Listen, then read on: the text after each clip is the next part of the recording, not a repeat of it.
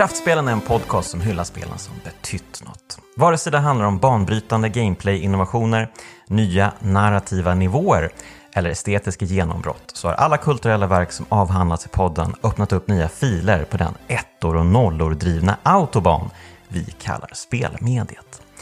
Jag heter Jonas Högberg och idag välkomnar jag Sebastian Mattsson till podden.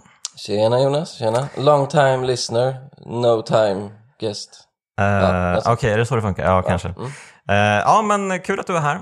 Uh, jag antar att de som lyssnar inte har en aning om vem du är. Mm. Jag hoppas jag för deras skull. För deras skull kanske. Eh, men du är ju, eh, vad ska man säga, du är kul på Twitter och du är gammal Expressen-journalist. Ja. Ehm, och du har skrivit två böcker. Mm. Kungen av content och Balladen om Kalle Klick. Ja. Ehm, så du rör dig i många olika, vad ska man säga, härrader. Ehm, du finns lite här och var. Ehm, ja, nu när du fått lite perspektiv på dina böcker, vad, eh, vad tycker du om dem så här i efterhand? Liksom? Ehm, nej, men det, är här, det är en ganska utsliten klyscha att man så här ska ogilla sina egna böcker. Mm. Men jag börjar lite förstå vad det betyder. Eller vad man menar med den klyschan. För att man... Nu håller jag på att skriva på en tredje. Om man tycker att den är liksom överlägsen i allt och att så här, det, det är fint om folk tycker om de andra böckerna men sluta prata om dem. För jag har en tredje på gång som är bättre. Så det är väl lite det man, man, man, man känner. Eh, även om du kan relatera till det. Du är också, på med kreativa grejer. Att man, Det man håller på med just nu känns alltid betydligt mer relevant än det man gjort tidigare. Om man vill liksom ah, jag, jag lämnar det där bakom mig. Jag har, jag har något nytt på gång här liksom. Mm. Eh, för de som inte känner till dem så är ju Balladen om Kalle Klick handlar väl om eh, din tid på Expressen nästan. Eller ska man säga? Till, till, eh, till typ 70% och sen har jag hittat på en del. Liksom. Det, är, det är en satirroman över en klickhungrig, klickgalen eh, journalist. Eh, så ja, jag, jag försökte ju liksom fånga en, en, en tidsperiod tror jag. För jag, för jag, jag, jag pluggade till journalist och upplevde att det inte fanns några liksom skildringar, varken fiktiva eller i faktaboksform som liksom fångar Mm. eh, den typen av journalistik och den typen av journalistiskt klimat som jag upplevde. Eh, Så det var väl det jag ville fånga och samtidigt dra en massa dumma skämt eh, i boken. Så Ska säga att jag inte har läst dina böcker än, men jag, jag är sugen. Jag ska läsa dem. ja, men Eh, det, är kul. kul. mm, mm. Ehm, och Kungen av content, eh, ja vad handlar den om? Ja, det är oklart. Alltså nej men den är, den är ganska, den den handlar, i, i korthet så handlar den ju om en, en, en kille som är lite vilsen i livet som blir vän med en äldre alkoholiserad överintelligent man och blir liksom indragen i hans konstiga värld och den mannen har också skrivit en bok så det är två böcker i en för man får läsa den här gamla mannens bok, eller gammal man, han är typ 43 men Just det. ja, Det var ju så att du, var det inte så att du hade liksom kommit på mannens bok först och tänkte att den här är för sjuk för att släppa? Ja, så jag tänkte så här, fan jag kan inte skriva den bara. Så jag, jag gör den till en bok i en ramhistoria. Mm, Och sen kan jag diskutera boken, eh, själva boken i boken, i ramhistorien och på något sätt här visa att okej, jag, jag fattar att den är kontroversiell. så ja, lite så. Okej, ja men härligt. Ehm, ja, alltså, vi är ju ganska lika varandra egentligen, ehm, har jag kommit fram till. Ehm, vi är ju båda nykterister, Ja, uh, Arsenal-fans, ja. uh, före detta kvällstidningsjournalister, Mm. även om jag mest skrev om tv-spel i och för sig. Men eh, anyways, eh, jag tror att vi båda är filmvetare också. Ja, och vi gick väl, jag tror jag har sett dig på JMK, alltså Journalisthögskolan. Mhm, mm. Eh, gick du inte någon kurs där? Jo, jag gick den här, vad fan heter den, journalistikvetenskap. Exakt, jag tror jag minns det därifrån. För jag visste ju redan då vem du var. För den här podden som jag har lyssnat på eh, ganska många avsnitt av har ju varit lite av en walk down memory lane för mig. För jag känner igen många av namnen. För jag brukade ju läsa liksom Superplay Level, alla dem. Mm. Jag har faktiskt, jag vet inte om du kommer ihåg det här, men en gång, undrar vilket år det här var, det här är långt bak, säg 2007 kanske. Mm. Så såg jag dig på stan och kände igen dig, men vågade inte gå fram till dig så jag skickade min systerson som kanske var 13 och sa Gå fram och fråga, är, är, är du Jonas Högberg? Men gud, var det du? Okej. Eh, och så skickade jag fram honom och sen bara, han, han frågade och sen bara gick han direkt Mm. efter. Du, för du sa ja, och så gick han bara. Jag vet inte om du minns det här?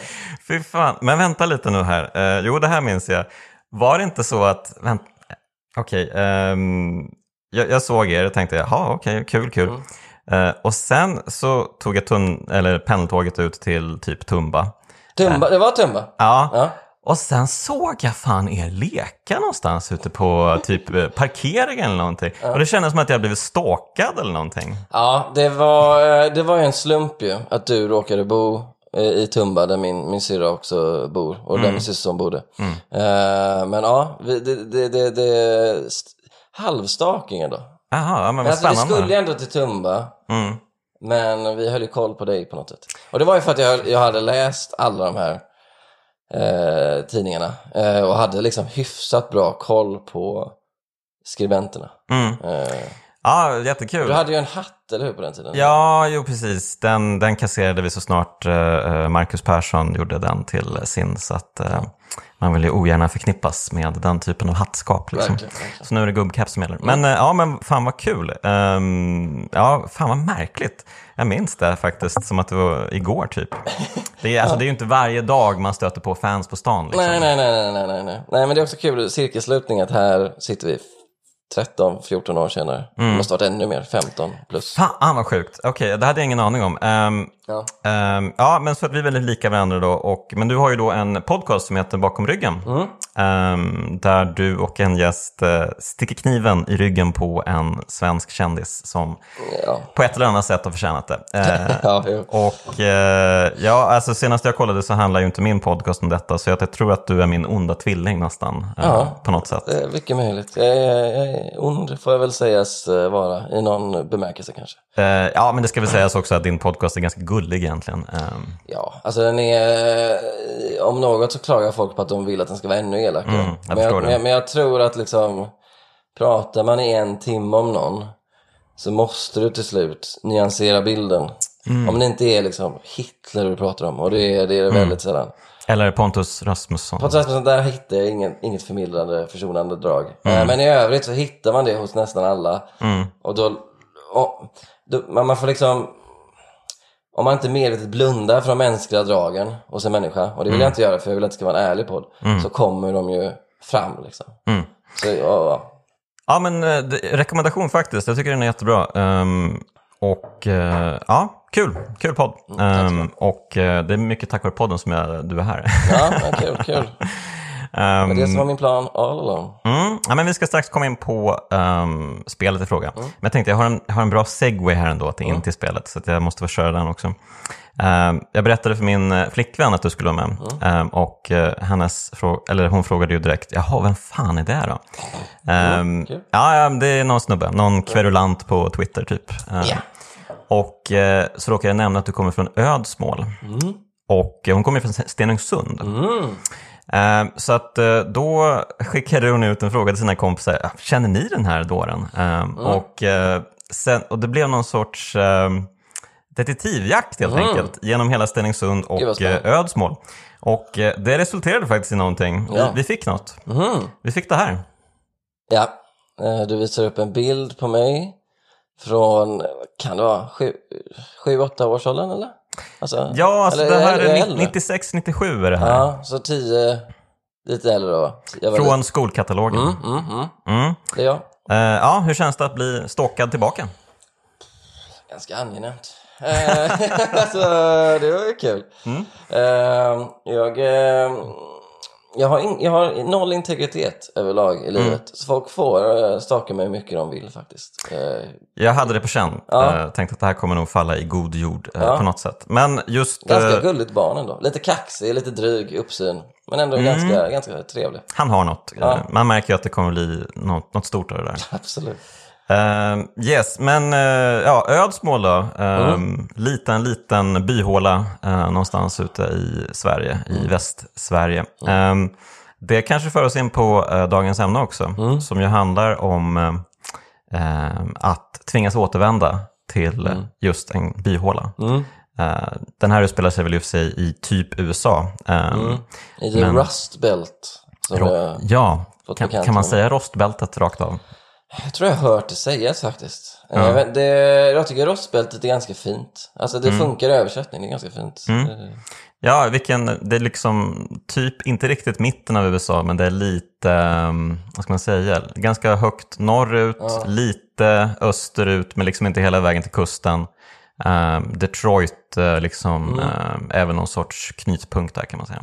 Ja, alltså det, när man liksom eh, konsumerar USA genom populärkulturen så blir man ju ibland liksom man, man får liksom bilden av att det bara finns sydstaterna och väst och östkusten. Mm. För det är det som har liksom dominerat kulturproduktionen så mycket.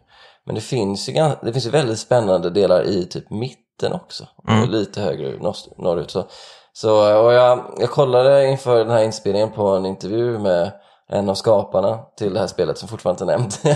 Mm. och eh, där pratade eh, Scott Benson heter han om att han hade bara sett Pittsburgh, där han kommer ifrån, Mm. eh, porträtterat två gånger.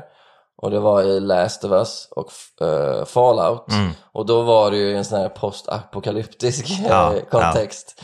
Som kanske inte riktigt gör stället rättvisa. Mm. På samma sätt som spelet Night in the Woods eh, gör. Ja, det är spelet vi ska prata om. Eh, precis, det är ett, eh, ja men på ytan, gulligt indiespel som uh, släpptes 2017 och eh, som handlar om 20-åriga May Borowski som eh, ja, hon har hoppat av college och tvingas återvända hem till sin lilla stad Possum Springs. Eh, varför vill du prata om det här spelet? Nej, alltså eh, eh, på ytan exakt ett gulligt indiespel med eh, djurkaraktärer. Mm, Eh, antropomorfiska djur. Ja, antropomorfiska djur. Uh, May är till exempel en, en katt och så är hon kompis med en, eh, någon form av, nej, en, en vanlig liksom räv och sen uh, bi, vad ska man säga att hon är? Är hon någon form av Ja, det var en bra fråga. En lite- häst? Åsna? Nej. Ja, eh, typ, typ så kanske. Ja, en häst säger vi. Ja. Och sen Angus, den, den sista killen i gänget är en, en, en björn liksom, en Mm. snäll björn. Eh, nej men jag, jag så här, eh, alla vi som på något sätt har fått försvara spel som konstform, Mm. och det får man ju göra ofta. Mm. Om man liksom inte släpper det helt och säger ja det är hjärndött men jag gillar det. Men jag Mm. har liksom aldrig velat ta den vägen för jag håller inte med om det. Eh, men vi har hamnat, ibland har man hamnat i dilemma liksom för att man, jag har ofta lyft fram så här, jo men tänk på hur bra spel är som, som narrativt medium på att berätta en historia. Mm. Men då har man ibland känt att fan, det är liksom, problemet är att det är samma historia om och om igen som berättas. samma liksom hjältesaga. Och det är nice liksom. Mm. Jag gillar sådana spel jättemycket. Men det, jag har lite känt att ganska, alltså ända sedan man började spel, spela spel och blev liksom lite medveten att fan det, det är lite det är lite som att spel eh, vad ska man säga, är underutvecklat, i behov av en mognadsprocess liksom. Det måste finnas fler berättelser att berätta. Mm. Och det har ju kommit nu med indiespelen och jag tycker att Nine in Woods förkroppsligar det. För att jag har aldrig sett en sån historia berättas på det sättet. Mm. Eh, och det var väl lite det de var inne på att Nej, men jag tyckte det var så fint eh, den här eh, föreläsningen från, heter det GDC? Den här stora mässan. Mm. Mm. Mm. Eh, Det är han Scott Benson som har varit med och skrivit manuset och gjort designen och allt. Mm. Han, var inne, han, han vill liksom åt ett spel där hans typ av människor skildras. Eh, för det gör de aldrig. Och han, han upplever sig själv som, som, dels har han problem med mental ohälsa. Dels har han nog alltid, fick jag känslan av, definierat sig själv som lite av en loser. Mm. Eh, som växer upp i en del av USA som ingen bryr sig om. Och han ville liksom både, han ville se sitt folk porträtteras på spel. Eh, och och det, har, det har de verkligen lyckats med. Och det, det, det jag tycker att så här, alla som på något sätt betvivlar på att spel kan eh, vara konst och dessutom spel kan berätta en historia på ett sätt som inget annat medium kan. Eh, spela det här spelet. Eh, för att i, ännu mer nu när jag spelar om det så blir jag helt övertygad om att det här spelet är ju det är ett mästerverk. Liksom. Det är ju otroligt. Ja. Jag håller med. Ehm, Jag, eh, när du initialt sa att du ville spela, eller prata om det här spelet så blev jag väl lite halvskeptisk nästan. Så här, var, det, var det verkligen så bra det där spelet? Eh, för jag spelade ju det när det kom 2017, eh, men sen dess har jag typ glömt det. Ehm, och liksom sorterat det i den här högen med indiespel, typ Oxenfree, Gone Home och sådana spel. Liksom. Ehm, ja, ja, ja, men det är sådana här gulligt uh, hemvändarspel. Ehm, ja, inte så mycket mer. Men nu när jag spelat om det så har jag verkligen blivit helt förälskad i spelet. Och eh, eh, även min, min flickvän har ju suttit med under hela eh, spelsessionen. Och hon blev ju också helt hooked. Bara, vad fan är det här? Det är ju helt briljant. Så bra skrivet. Och sådana eh, mångfacetterade karaktärer. Och eh, de rör liksom sådana jobbiga ämnen, liksom mental ohälsa. ehm, eh, det politiska systemet i USA. Ja, klass är en jätteviktig eh, faktor i, i den här berättelsen. Alltså, Facklig organisation, alltså sådana saker som alltså, spel så sällan rör vid. Eh, och, och kultur kanske alldeles för sällan rör vid det överlag. Liksom. Eh, nej, om man bara tar liksom mig som huvudperson. Så jag, jag kan liksom inte komma på en huvudperson i ett tv-spel som kan mäta sig med hennes komplexitet. Liksom. För att hon är... Det, det hade varit så lätt för dem då, för att hon är liksom, hon är en hemvändare, hon är liksom, eh, hon har hoppat av college. Vi får veta att hon har, eh, där, vi kanske kommer in på någon spoiler-session lite senare, men vi vet att hon har liksom Du får spoila som du vill. Ja, men det gör vi. Eh, nej, men hon har liksom eh, någon slags en, en våldsepisod i det förflutna som hintas om och som sen avslöjas längre fram. Eh, hon, hon- lider då av en, en åkomma som heter dissociation. Jag tror den heter så på svenska också. Som helt enkelt innebär att du, du slutar uppleva verkligheten som verklig mer eller mindre. Eh, eller du börjar liksom, hon beskriver det så otroligt bra att hon börjar liksom se verkligheten bara som former, betydelselösa former. Just det, linjer. Ja. Eh, Linjer, inte mer än så. Och det här har då han, Scott Benson, manusfattaren, också själv lidit av. Och då slutar ju helt enkelt världen runt omkring det betyda någonting. Eh, och mig, det hade varit så lätt att göra mig till bara en liksom så här vanlig cynisk Ghost World-tjej som bara liksom kommer med roliga one-liners. Men hon är, hon är så mycket mer än så, för hon är liksom så här socialt klumpig, eh, hon gör bort sig gång på gång. Eh, hon är liksom inte överintelligent utan hon är liksom smart men hon är också, har stora luckor och skev på så många sätt men ändå så otroligt charmig och, och, och fin. Jag tycker eh, man, man blir så otroligt förtjust i henne när man spelar det här spelet. Ja, verkligen. Och sen är också relationen till hennes vänner, den, är ju, den skildras ju verkligen helt fantastiskt i det här spelet. Ehm, jag tror att spelet hade kunnat ha undertiteln Friendship is magic typ. Det, det är verkligen, det, jag skulle nästan säga att det här är det bästa spelet om vänskap jag sett. Ehm, För det här liksom kärngänget, uh, May, Bee, ehm, Angus och Greg, ehm, de Ja, det, det är så fint, Hon, de säger ju det senare i spelet också, “You're not the glue that holds us together”. Eh, För det är man ju så ofta i sådana här typen av spel. Det är ju alltid liksom allt eh, ljus på huvudrollsinnehavaren. Men, men här så har ju liksom de blivit kompisar vid sidan av henne. Liksom. Och Nu liksom försöker hon ta sig in i den här eh, trion eh, och se till att allt blir en kvartett. Då. Ehm, och ja, men det är så otroligt fint skildrat och det är fantastiskt. Och sen så finns det ju även liksom övernaturliga influenser i, i spelet. Ehm, som man kan tycka lite, lite vad man vill om. Jag känner, först, först när jag, när jag liksom såg det här spelet så kände jag väl att det... Det behövs kanske inte eller? Nej, det kändes inte som att det behövdes, som att det tog över liksom den här fina eh, skildringen av deras liv och sådär. Och eh, framförallt Mays olika eh, mentala problem och eh, henne och sådär. Men, men nu andra omspelningen så tyckte jag bättre om eh, Lovecraft-temat. Som, ska sägas, dyker upp eh, i den andra halvan av spelet. Det är typ inte alls närvarande i första halvan. Nej, det som är, det som, för det, det är ju liksom en ganska, det, det är det som du säger, det liksom finns en grundintrig som tar, för att vara grundintrig, jävligt liten plats liksom. För det, det, det, de hittar ju liksom, i det här gänget då, hittar en, en arm, en avhuggen arm. Och då, eh, den liksom pågår, den liksom intrigen pågår i periferin lite. Eh, men den, den stora, liksom, stora liksom, portionen av spelet handlar ju mest om, om mig och hennes sökande efter, efter något slags balans i, i tillvaron. Samtidigt som ändå de kopplar ihop det för att May är en person som tvivlar väldigt mycket på sig själv och hon upplever att hon liksom tvivlas på av omgivningen. Och då när hon, hon börjar liksom se sanningen bakom det här övernaturliga så blir hon ju inte trodd på helt enkelt. Mm. Eh, och det tycker jag ändå de väver ihop med eh, hennes allmänna känsla av att inte bli tagen på allvar. Liksom. Att hon inte kan ta sig själv på allvar. Men jag håller med.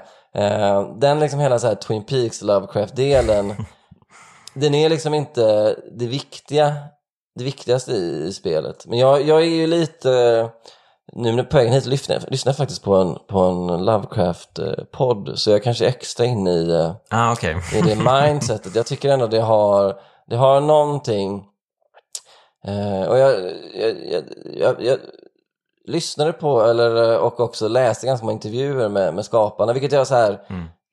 väldigt sällan har ett behov av att göra när jag spelat klart ett spel. Men här kände jag verkligen att shit, jag vill komma in liksom i deras eh, tankeverksamhet, deras, eh, eh, vad var man kan säga på akademika, akademiska termer, eh, intertextualitet. Ja, okej, okej. ja. Eh, tänk liksom, hur, hur, vad, vad, har- vad har influerat er?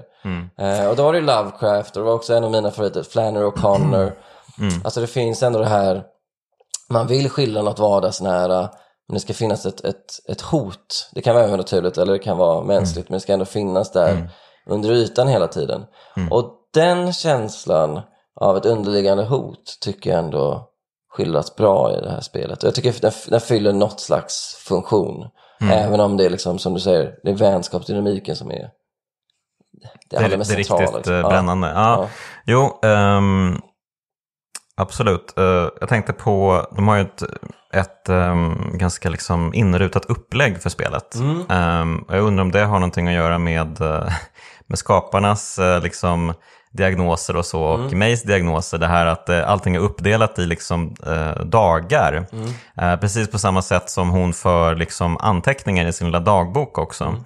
Eh, om saker hon stöter på, människor hon möter och sådär, så tecknar hon liksom porträtt av dem i sin dagbok. Och, eh, det är någonting som hennes, eh, eh, hennes läkare har liksom gett henne och eh, uppmanat att pyssla med. Så undrar om liksom hela den här dagsinramningen liksom också har en del i det här att göra. För det får ju allting att liksom, eh, ja, men det blir ju en rytm i spelet Ja. som, som är väldigt eh, tilltalande tycker jag. Men det är också så här, jag tycker det är så, det är så svårt för att, att förklara gameplayet på något sätt för en, en person som inte spelat. Men alltså så här, Ja. jag, jag har en kompis som också lyssnar på den här podden, Oskar heter han. Och han, Hej Oskar! hej Oskar, han, han, när jag sa att jag skulle prata om det här spelet sa han va? Det här är inget kraftspel.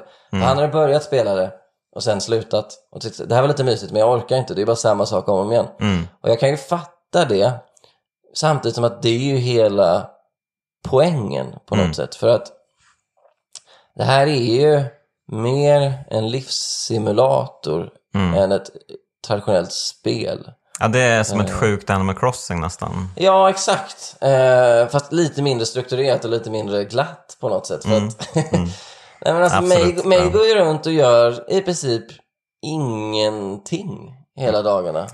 Nej, alltså hon har ju värsta drömtillvaron på ett sätt. Hon verkar ju inte behöva något jobb. Hon lever på sina föräldrar eh, och sina kompisar vad det verkar. Eh, och eh, bara drar runt i Possum Springs eh, och pratar med folk typ. Ja, Det du gör är att du kan, du kan prata med folk och så, du, du kan göra liksom så här små aktiviteter som att ja, men till exempel så finns det en, en as, hobbyastronom, som är någon lärare på en skola som står på ett tak. Kan du hoppa upp där och så kan du kolla på skärmbilder med honom och då måste du styra eh, teleskopet eh, och hitta stjärnorna men det är ju liksom inget det är inget svårt spelmoment på det sättet. Alltså Nej. det är ju, Eh, och så kan du eh, gå vidare, prata lite mer med folk. Det finns en, en, en, en, en tjej som sitter på en trapp som skriver dikter. Du kan höra hennes dikter och fördjupa er relation. Men det är heller inget så här, de här dialogvalen man gör. Det är ju verkligen inte eh, Mass Effect liksom där Nej, de har ju i princip ingenting med liksom storyn att göra eller Nej, med de är, ganska, de är ganska lika liksom. Och Ja. eh, grejen är väl att, eh, jag antar att det har att göra med att de, mig är ju liksom inget tomt skal som du kan fylla med din egen personlighet, alla Shepard, utan mig är mig. Och därför kan du liksom inte gå utanför hennes ramar allt för mycket. Mm, Och det tycker jag är ganska logiskt. Och jag, till exempel, och jag tycker också att de genom det här monotona eh, lyckas också berätta saker. Ba, inte bara genom att man så här skildrar ganska uppenbara att livet är ganska monotont Mm. för en vanlig människa. Är du eh, Samus Aran, absolut, då händer det saker. Mm. Men mig är ju ingen Samus, mig är ju bara en Mm. vanlig halv misslyckad tjej. Eh, mm.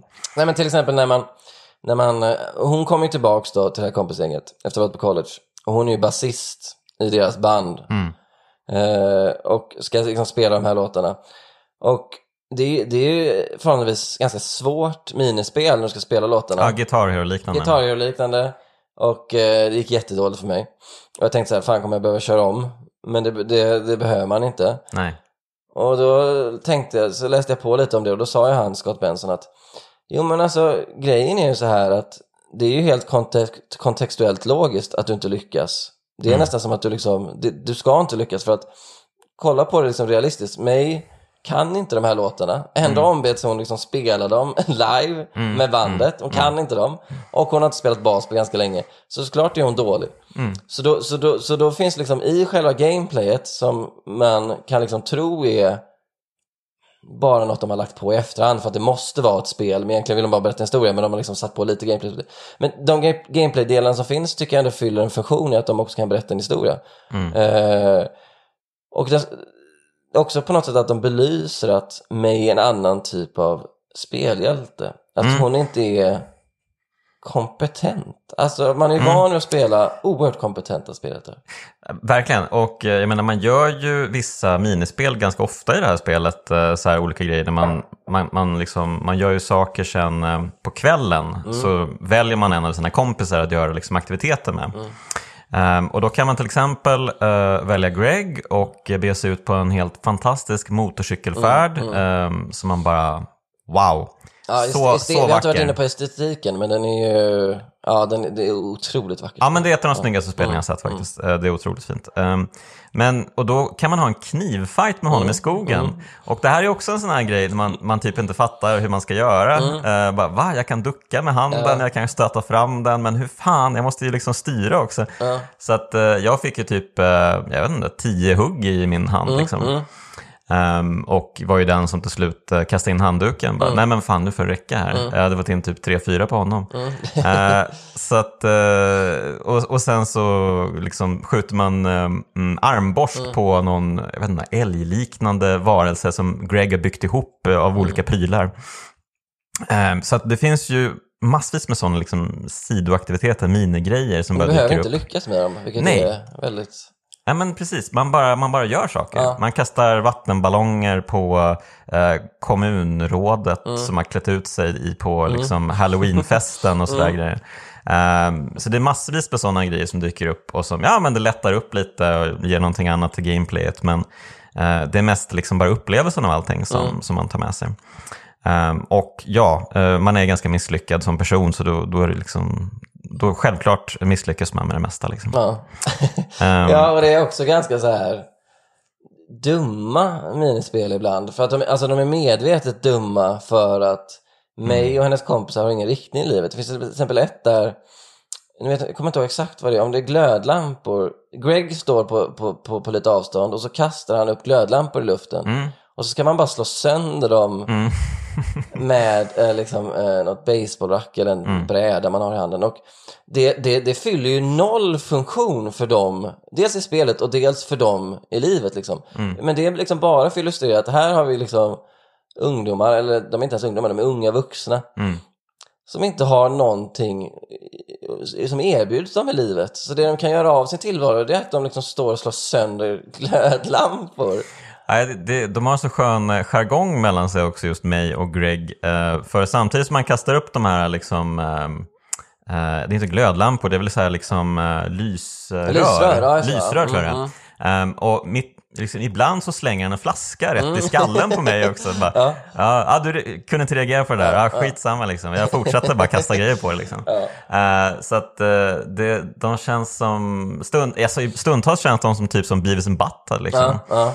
Så verkligen eh, en fantastisk vänskap, illustrerad på många fantastiska sätt. Mm, Eh, och jag tycker att Possum Springs, alltså staden i sig, den är ju också en, en karaktär eh, som är värd att nämna. Eh, man, man hoppar runt, eh, man kan ta sig upp ganska högt på husen. Eh, det är liksom inga höghus att tala om, men det är ett par våningar och man studsar runt på olika kraftledningar och man hittar karaktärer långt uppe i husen. Liksom och sådär. Um, så man utforskar lite, um, man kan gå till kyrkan och prata lite med morsan som jobbar där. Um, och så finns det lite olika liksom, sidouppdrag, om man ska säga, olika karaktärer man pratar om, som du var inne på med uh, Selmers, den här po Mm. poetissan. Um, det finns ju någon kanin, um, jag har glömt vad hon heter, men uh, Laurie heter hon, uh, som finns uh, högt, högt upp bland husen och som man kan uh, ha liksom exkursioner med och gå till tågrälsen. Um, och eh, då sitter de eh, och håller liksom benen på tågrälsen och väntar in tåg. Och sen typ, ja okej nu kommer det tåg och sen så eh, fäller de undan benen och sen så kommer tågen förbi i superfart liksom. Eh, så det känns verkligen som någon sorts hillbilly lifestyle. Ja, eh, upp, eh, uppe till max liksom. Eh, så att eh, det är många sådana saker, många detaljer som är fantastiskt Mm. fina. Um, men sen då så börjar liksom spelet att uh, rikta in sig lite mer på den här liksom Lovecraft-grejen som pågår. Um, och det hela börjar ju då på den här Halloween-festen som heter Harfest här. Uh, vad är det May får se här? Alltså det mig får se är ju eh, något slags, eller hon upplever att det är en, en spökgestalt som liksom bara kommer och tar ett barn i, i bakgrunden liksom. För att det är ju, det är ett 2D-spel men det finns ju något slags, kan man kalla det förgrund? Där hon ser liksom en, en spökgestalt komma och liksom ta ett barn i, i skuggorna liksom. Och hon har ju så förtvivlat svårt att få folk att tro på henne. Och det, det är dels för att det är svårt att tro på. Men framförallt så är ju hon den minst pålitliga i stan ju. För att Dels för att alla minns att hon har det här våldsamma förflutna, att hon, hon typ nästan slog ihjäl en annan Ja. eh, unge när hon gick i skolan. Men också att hon, hon ses ju lite som en, ja, men, ja, men en förlorare liksom.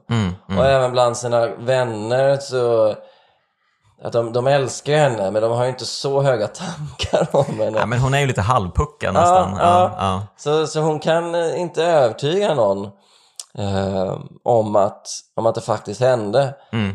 Men det som är så intressant då är att i takt med att de, hon, hon får se den här spökgestalten flera gånger. Det, han är- ser ut som Sommarskuggan nästan. Ja, verkligen. Eh, så blir hennes mentala hälsa påverkad och till slut till och med hennes fysiska hälsa. Hon blir liksom mer och mer skröplig och eh, det uppdagas, eller vill du ta det liksom lite långsammare kanske? Det här hela sällskap, det som är väldigt mycket Lovecraft. Eh, ja, alltså, vi kan väl bara lite snabbt berätta om de liksom, ex- exkursionerna hon gör tillsammans med sina vänner också, innan vi kommer till Mm. Mm. eh, den här kulten som allting kretsar kring. Eh, för att det, det är ju liksom några av de finaste scenerna i spelet Mm. egentligen. När man får välja, jag fick bara göra två av tre. Jag fick nog också bara göra två, jag tror, man, jag tror jag valde B och Angus, jag tror jag aldrig fick åka på något med Greg. Men undrar om jag Okej. gjorde första omspelningen, eller första spelningen. Ja, precis. För jag gjorde Bi och Angus första uh, genomspelningen. Och nu körde jag Greg och eh, Angus då. Eh, Angus är ju så himla, fin eh, person verkligen. Han, han, alla har ju sina egna trauman och så. Eh, han uh, har verkar, verkar haft en skitdålig uppväxt verkligen med en pappa som misshandlade honom. En mamma som typ stängde in honom i garderoben ett dygn. Ehm, och eh, massa sån skit. Eh, men det, har han processerat och de har en jättefin scen när de sitter uppe på ett berg vid en liten stock och tittar på stjärnorna. Och det här är ett, liksom, det här är ett annat sorts eh, stjärnminispel då. Ehm, I det förra med Mr. Chorowitz, eller vad han heter, ehm, så letar man ju bara efter stjärnbilderna. Men här får man ju liksom sträcka i dem, eh, så här klassiskt. Och det dyker upp valar och lägereldar och sånt där. Men det är så fint att de har placerat eh, pratbubblorna bara där uppe, så man ser inte dem längre. Utan man ser bara den här liksom, stjärnbilderna när de pratar genom eh, Angus eh, bakgrund och sådär. Och han kommer fram till att eh, ja, men jag, jag, tror, jag tror inte på någonting i universum, men jag tror på människor. Ja. Ehm, det är fantastiskt eh, fint han har verkligen nått fram till någon sorts uppenbarelse. Um, och uh, han försöker nå fram till, um, till mig också, att hon ska försöka liksom, hitta det här också. För hon gör ju fortfarande den här resan. Liksom. Ja. Uh, och sen så dyker sommarskuggan upp och jagar dem typ. Ja. Um, det, Ja, Men det, det är också så här typiskt för spelet att de är ju där, nu kommer jag inte riktigt var de är, de är i skogen va? Men jag Ja. inte riktigt varför de är där, för att de andra har ju ganska logiska... Jo, men man gick till biblioteket först Ja. med uh, Bi. Bi, ja, just det. Ehm, och då eh, tittade man i gamla tidningsuppslag och så. Och så såg man typ att eh, ja, men här ute i skogen så är det någon som sätter spöken. eller något Just det, sånt. just det. Men, men, men det handlar lite i skymundan ju för att de börjar prata om, om Angus och hans uppväxt Mm. och titta på stjärnorna. Men sen då kommer den här, vi kan kalla dem sommarskugorna, vet Ja, du det är vi det? gör det. Ja. Ja. Eh, och så har man typ, ja just det, men jag har glömt att det var därför de var där. Men det, är, och det är liksom en metafor för spelet i stort, man glömmer nästan bort det här övernaturliga krim... Eh, Krims- sa- krimskramset. krimskramset. Ehm, och istället så här, bara fokusera på vänskapen. Men så kommer det ändå in den här, det, här, det här spöket då som hon ser. Mm. Och Angus ser det ju också, men är inte övertygad om att det är ett spöke. Och han har, han har ju rätt, det det sig. Nej men alltså precis, de, de tycker ju bara att eh, han är läbbig som står och tittar på dem Ja, typ. Och sen så bara, fan vi, vi springer. Men sen så springer han inte efter dem tror jag. Så att eh, det blir ju så här att Angus bara, ja men det var en snubbe i skogen som Mm, tittar på oss. Vad, vad ska jag ta med mig från det liksom? Det ja, jättekonstigt. Ja, och där fattar man verkligen dem. För då har du, liksom, du har mig som sanningsvittne, vilket Mm. är vatten värt. Och sen har du liksom, du har liksom bara sett en skepnad Ja. Se lite creepy ut. Visst, det är creepy, men det finns ju inga...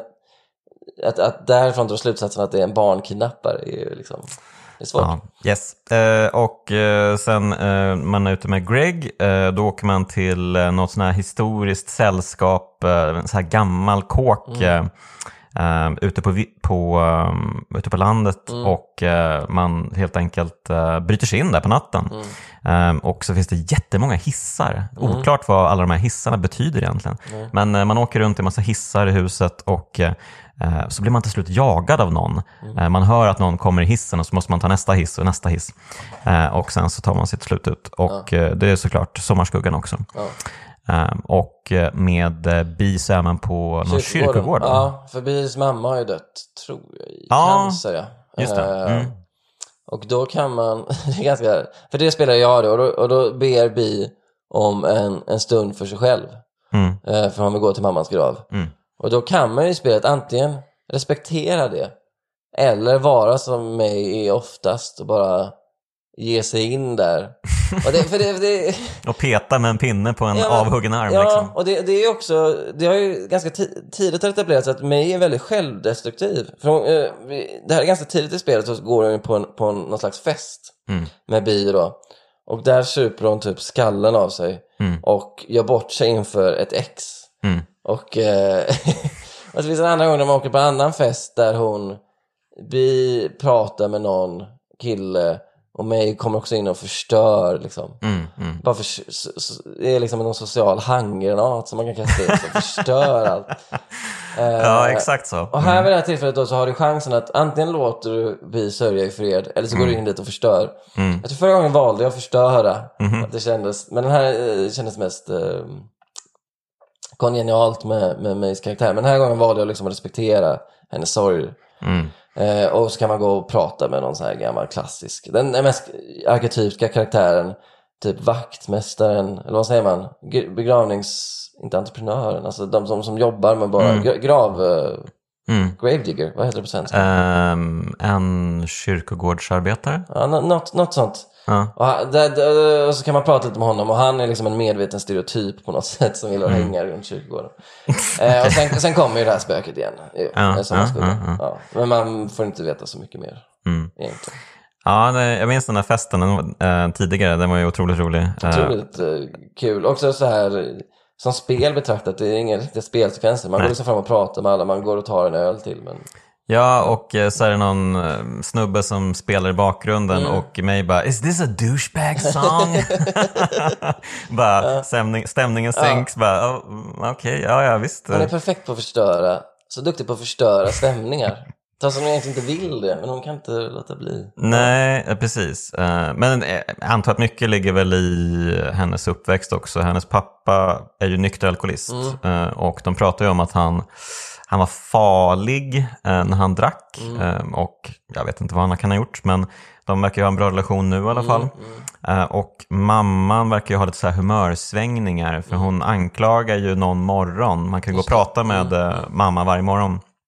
Och då anklagar hon ju mig ehm, för de har ju liksom pantsatt hela huset för att hon skulle gå på college. En klassisk grej. Och eh, nu tänker banken snart eh, plocka huset verkar det som. Så att eh, hon är ju jävligt pissed helt enkelt. Och nu släpper de fram allt liksom. Ehm, och mig bara, va? Kan det vara så här? Va? Jag, ingen, va? jag fattar ingenting. alltså verkligen det är så ofta som hennes reaktion är bara, mm? Va? Vadå? Som när de åker tillbaka från festen, hon och Bay och uh, Bi och uh, May är stupfull. Och eh, Bi berättar, eller hon säger liksom i förbifarten, ja min mamma är död. Va, är din mamma död? Va, har du inte koll på det? Jävla as! Alltså det är det, May har så otroligt, eh, hon, hon har nästan någon så här, inte empatistörning, men hon, hon lever sig inte in i, i någon annans situation. Och hon har liksom inte koll på vad de andra är med om. Liksom. Nej. Men det är lite under spelets gång så blir hon ju bättre. på Till exempel när hon, som du nämnde, när hon lyssnar på Angus, får honom att berätta sin livshistoria. Den har hon också liksom, hon är ändå, känns som hon har känt Angus en bit, men hon har liksom aldrig brytt sig om att lyssna på Prata med honom. med. Den har varit så otroligt uppe i sig själv. Ja, och, och då är ju frågan, eh, har eh, hennes tillstånd något att göra med den här övernaturliga Lovecraft-grejen som pågår? För vad det verkar då, det dyker ju upp en kult mot slutet av spelet. Och eh, de verkar tillbe någon sorts getgud Ja. som befinner sig i ett hål i gruvan i stan. Ehm, och eh, ja, men gänget kommer in där och börjar snacka med dem och eh, alltså det, det är så himla, alltså från out of nowhere så blir det liksom värsta Lovecraft-grejen, värsta Cthulhu-grejen. Ja. Och man bara, vad fan är det som pågår? Vad hände med spelet? Ja, det är lite, det är lite skumt. Nu, andra gången jag spelade om det nu så försökte jag verkligen, för, för jag minns att första gången så kände jag det här bara gick förbi mig och jag fattade nästan ingenting. Mm, mm, Men nu försökte jag lyssna lite, lite noggrannare. Eh, och jag läste på lite om det och Mm. det de gör är att de... Det finns ju någon politisk aspekt av det Mm. som är ju att det här är ju the, good old boys som har den här kulten. Alltså det är ju konservativa, eh, sägs väl mer eller mindre ut, eh, högerextremister. mm, Eh, som vill ha tillbaks det gamla Possum Springs. mm, Eh, och de tycker väl att de här, det här den, de nya livsstilarna har förstört staden och gjort den här geten arg.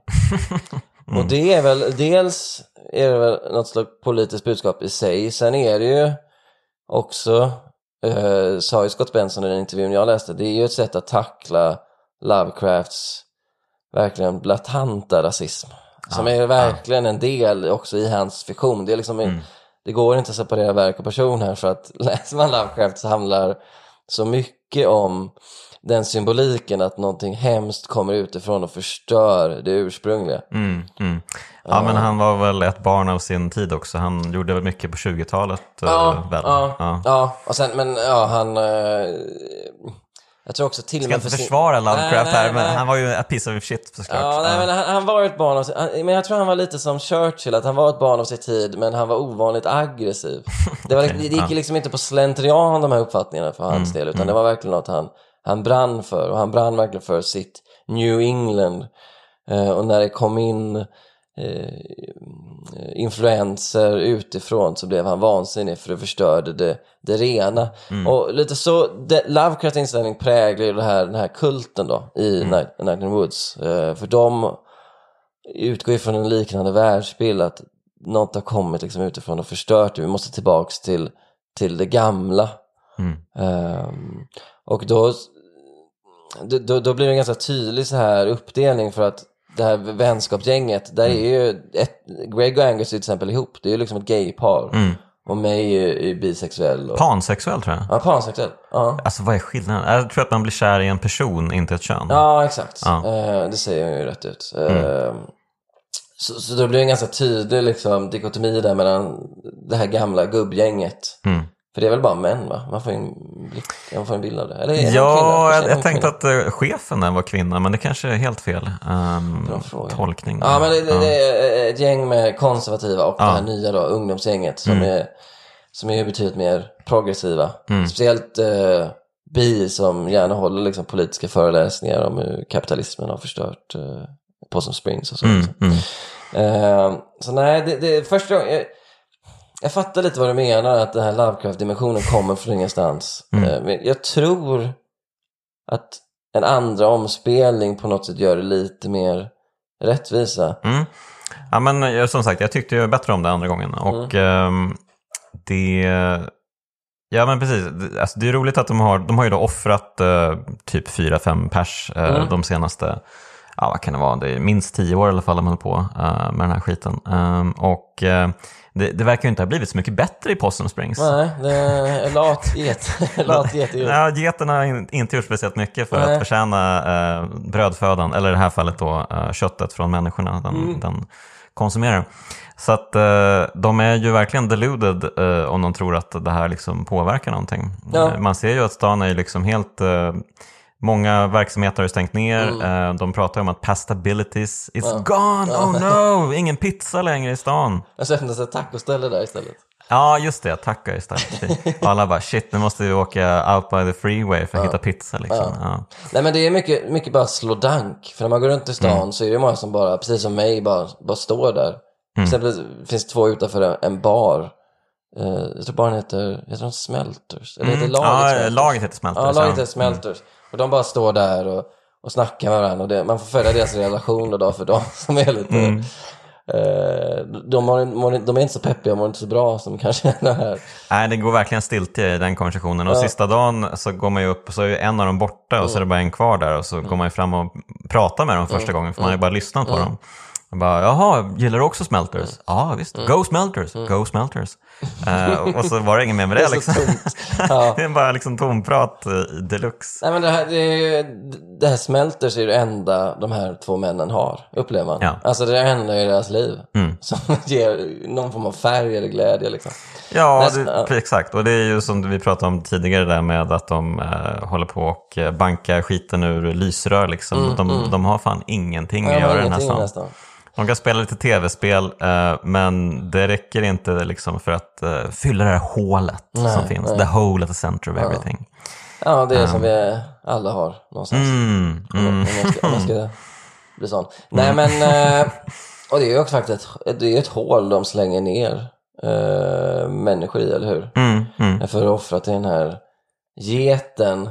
Mm. Som har, det finns någon form av Lovecraft, mer så här explicit Lovecraft. Ja, Shigurat någonting Ja, heter den ja. där. Ja. Eh, så det är ju väldigt, väldigt eh, medvetet såklart. Verkligen. Ehm, och ehm, alltså det finns ju en tolkning till man kan göra. Det är, Mm. ju- de pratar ju om att det finns en hallucinatorisk gas som kommer från gruvan också. Och att eh, folket har blivit påverkat av det. Mm. Ja. Och att de kanske tror att den här um, getguden är ett resultat av den här gasen. Att alla Mm. bara fått för sig saker. Men alla verkar ju ha fått för sig samma sak. Ja. Vilket ju ja, eh, kanske är ett tecken på att det finns en getgud. Eller så är det det här kollektiva undermedvetna. Att, Mm. att vi bär på den här geten inom oss allihop. Eller alla i Possum Springs i alla fall. Ja, ja. Kollektivt undermedvetet som begränsar sig till Possum Springs. Ja, det är sant. Ehm. Det roliga är ju att eh, sommarskuggan verkar kunna gå igenom fysiska objekt. Mm. Eh, May pratade ju om att när hon såg den första gången och norpa en, en unge Mm. på, under den här Harfest så såg hon hur eh, den försvann genom stängslet där vid Mm. slutet av stan. Eh, och nu så anfaller ju sommarskuggan dem när de försöker ta sig därifrån. Mm. För kulten, eh, alltså det hela går ut på att kulten vill ha nytt blod och sådär. Mm. Ja, vi är snart för gamla men vi måste fortsätta den här traditionen. Mm. Vi måste fortsätta mata geten. Så nu ska ni ta över. Det är, så jävla, det är så jävla dumt att rekrytera dem. För det måste ju finnas liksom så här ungdomsgäng som är lite mer... Mm. Varför tar du dem som är typ marxister, hbtq? alltså det, det måste finnas så här young republican. Ta en, De, de har ju noll koll den här jävla kulten alltså. Fan. Ja. Men, eh, men precis, det är, väl, det är väl det som är tanken också. Att man ska, de, de är verkligen helt världsfrånvända. Ja, liksom. ja. Ja, Självklart, ni, ni, ni är ungdomar, det räcker, ni tar över. Eh, så att de, de släpper iväg dem helt Mm. enkelt. Ja, men ni kan dra. Eh, ni vet inte vilka vi är, för vi står här i våra kåpor. Eh, ni vet inte vad, vilka vi är ute i stan, liksom. Mm. men vi vet vilka ni är. Så försöker ni på er något så kommer, ni, kommer vi ta er, typ. Mm. Så nu får ni gå. Eh, så tar de en hiss upp ur gruvan. eh, och så liksom flackar ljuset till och så plötsligt står Sommarskuggan där. Mm. Ja. Eh, för Sommarskuggan är sur på gänget för att de har skjutit honom med ett armborst i axeln. Det är ändå lite, eller man vill inte sympatisera men det är ändå en eh, legitim sak att klaga på. Ja. Rimligt, ja, faktiskt. Eh, och kastar sig över mig och försöker döda henne. Mm. Men då liksom faller hissen och drar, sig, drar med sig Sommarskuggan och eh, typ hela gruvan. Mm. Ja. Så att det är ju lite en sån här klassisk eh, force majeure-grej då. Nu är kulten borta liksom. Ja, out of nowhere. Eh, Jaha, Jaha, okej, vad trevligt. Jag tycker också det är kul att på något, det finns en någon liten ironisk touch där ändå från här för att de, de reflekterar över, ja nu har vi råkat döda hela kulten. Ja. Okej. Alltså att de, det, det finns någon sån här, det- Mm. upplever inte du också att det finns någon så här, ja nu är de döda, okej. Precis, de försöker precisera det. Vi är mördare nu, men ah, det känns inget speciellt liksom. nej, nej, de var ju ändå svin. Liksom. Ja, mm. Angus tycker bara, ja jag hade gjort det igen, alltså inga problem. ja. Ja. ja, nej jag fattar, jag fattar. Det, de där förtjänar det, liksom det där. Eh, och sen så är det en liten epilog, man får en sista eh, liksom, dag i staden och så springer man runt och har ett sista samtal med alla man brukar prata med. Ehm, och eh, så kör man en sista band practice och så är det slut.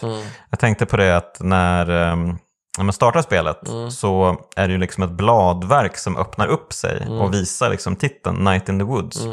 Men nu när vi har sett den här getguden så tänker jag mer att de här bladen liknar eh, tänder. Mm, man går in i geten. Ja, exakt. Man går in i the whole of the center of everything. Så Ja. att, eh, mm, kanske, kanske. Ja. Kanske finns någon...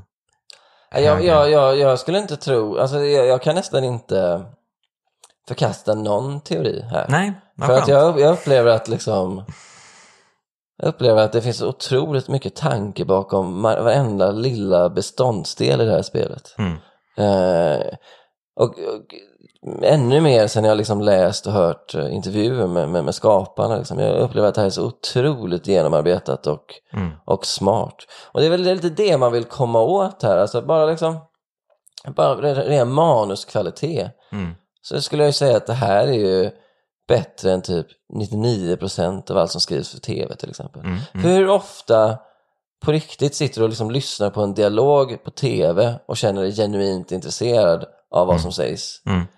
Eh, Även serier du gillar. Det är ju väldigt sällan du bara, kan inte den här dialogen pågå lite längre? Ja, men det är också så att det, det är ju inte alltid liksom dialog som leder någonstans som har ehm, som liksom för karaktärernas ehm, eh, karaktärsutveckling vidare och sådana saker. Utan ibland kan det ju bara vara att folk står och pratar om vad som helst egentligen. Men det är så välskrivet och eh, det är någonting med de här liksom pratbubblorna också. Fan, det är just, just liksom sättet de har liksom ramat in allting på eh, är väldigt tilltalande och eh, Alltså det funkar så jävla bra. I förra avsnittet av Kraftspelen, som du inte har hört än, Nej. så pratade vi om Kentucky Route Zero. Det var tydligen en stor inspirationskälla till det här. Mm. Eh, och det är lite roligt att eh, de här spelen kommer liksom vägg i vägg, eller ja, sida vid sida. Eh, för då, jag ser mycket likheter mellan dem. Ehm, och eh, ja, eh, just det. Kentucky Road Zero är väldigt, väldigt svårt att komma in på livet känner jag. Det är, väldigt så här, det är så kompakt med text och det är så mycket att läsa. Och mycket kan vara så konstigt också. Ehm, och det är väldigt bra och det är väldigt så David Lynchiskt. Ehm, och eh, surrealistiskt och härligt. Men eh, jag måste säga att jag gillar Night in the Woods ännu mer. Eh, just för att det är så down to earth på något sätt. Det är så liksom förankrat i en vardag som man känner igen, som man har själv befunnit sig i. Eh, jag känner igen jättemycket från mina egna 20s. Ehm, så att eh, jag tycker de har fångat... eh, Du blev ju också stakad en gång. jag blev ju också av- av- en typ. en egen sommarskugga, precis. På pendeltåget i Stockholm. Eh, exakt, så att uh, fan alltså vilket jävla spel. Och vilket soundtrack, det är så jävla bra musik i det har jag spelet. inte ens nämnt. Eh, otroligt fint soundtrack. Och också bara det, det här bandets låtar. Mm. Eh, jag kommer inte ihåg vad bandet heter. Ah, vad fan heter de? Det har jag också tappat. Kompisgängens band. Men Ja, bara mm. de låtarna är också helt underbara. Som var så här midi. Och de kan man ju öva på sen eh, Mm. hemma på rummet. Eh, hon- man har ju liksom gitarren där och kan fnula på och sådär. Ja. Eh, det är också kul, hon har ju en liten dator hon kan, eh, man kan interagera med varje dag och eh, läsa lite meddelanden och prata, typ eh, chatta med Mm, kompisarna.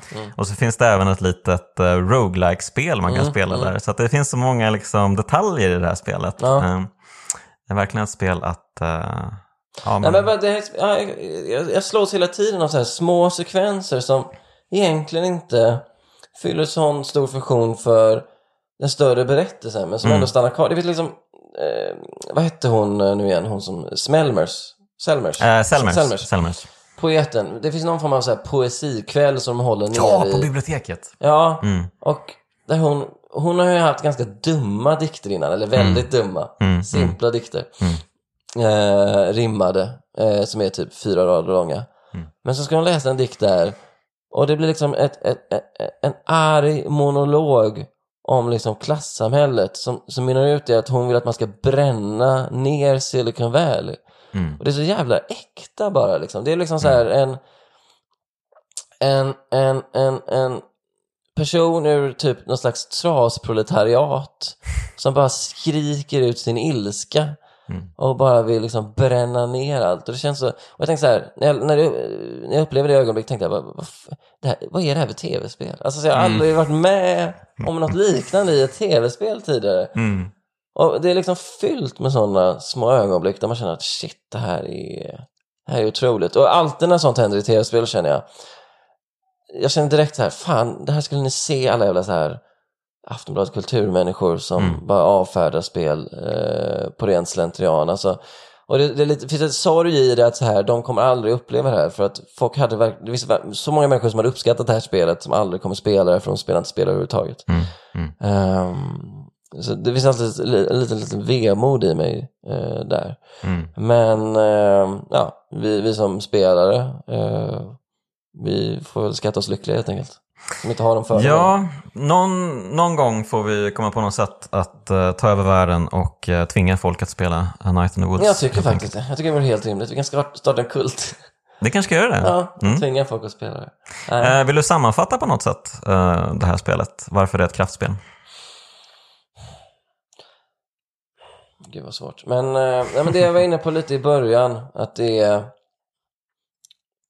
det är en berättelse som berättas, en typ av berättelse om en typ av protagonist som är, upplever jag väldigt ovanlig i tv-spelsvärlden. Mm.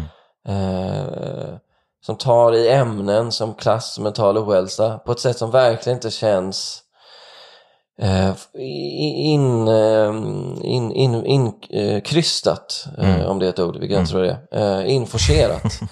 Eh, utan som är verkligen en del, inte bara av storyn i stort, utan av hela spelupplevelsen.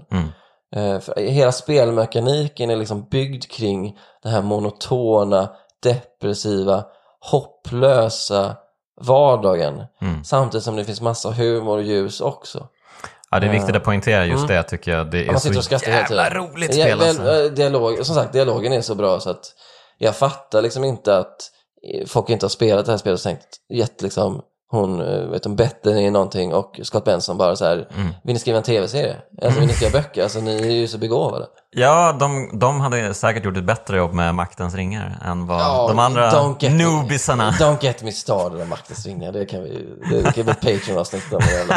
Men hur som helst. Eh, nej, så, så, så jag, jag, jag skulle också så här vilja poängtera att men, håll ut, för att jag förstår att det är om, om man är liksom van som jag är och de flesta är vid, vid vanliga spel så är det ju lätt att liksom tröttna på det här för det finns ju inte så mycket gameplay att prata om, inte i en konventionell mening men Mm. när du liksom kommer in i det det var så fint för han, han Scott Benson sa också att många liksom bara eh, spelar det om och om igen för att de vill liksom, lite som Animal Crossing, vill vara i den världen och Mm. det finns något så här, något tryggt i monotona Mm. och bara befinna sig i världen. Mm. Och jag tror inte det är många spel som funkar på det sättet, funkar på det planet, men det Mm. gör verkligen Night in the Woods. Alltså det är typ en vän som håller dig i, i handen samtidigt som den inte är, är för rädd för att liksom komma med, med hårda, obehagliga sanningar. Så Uh, jag, vet, jag är glad att jag fick spela om det, för nu, även in, alltså när jag föreslog det som kraftspel så har jag inte riktigt fattat vidden av hur, hur bra mm. det är. Jag känner verkligen att shit alltså vilken, vilket, vilket, vilket verk. Det här är, mm. det här är verkligen konst. Mm. Uh, så tacksam för att det finns. Tack för att du var med i Kraftspelen Sebastian. Tack Jonas. Och tack ska du ha som har lyssnat. Ett stort tack till de finfina pojkarna i Bitpopbandet 047 som gör musiken. Um, och uh, ja, följ Kraftspelen på Instagram vet jag. Och så hörs vi igen nästa vecka.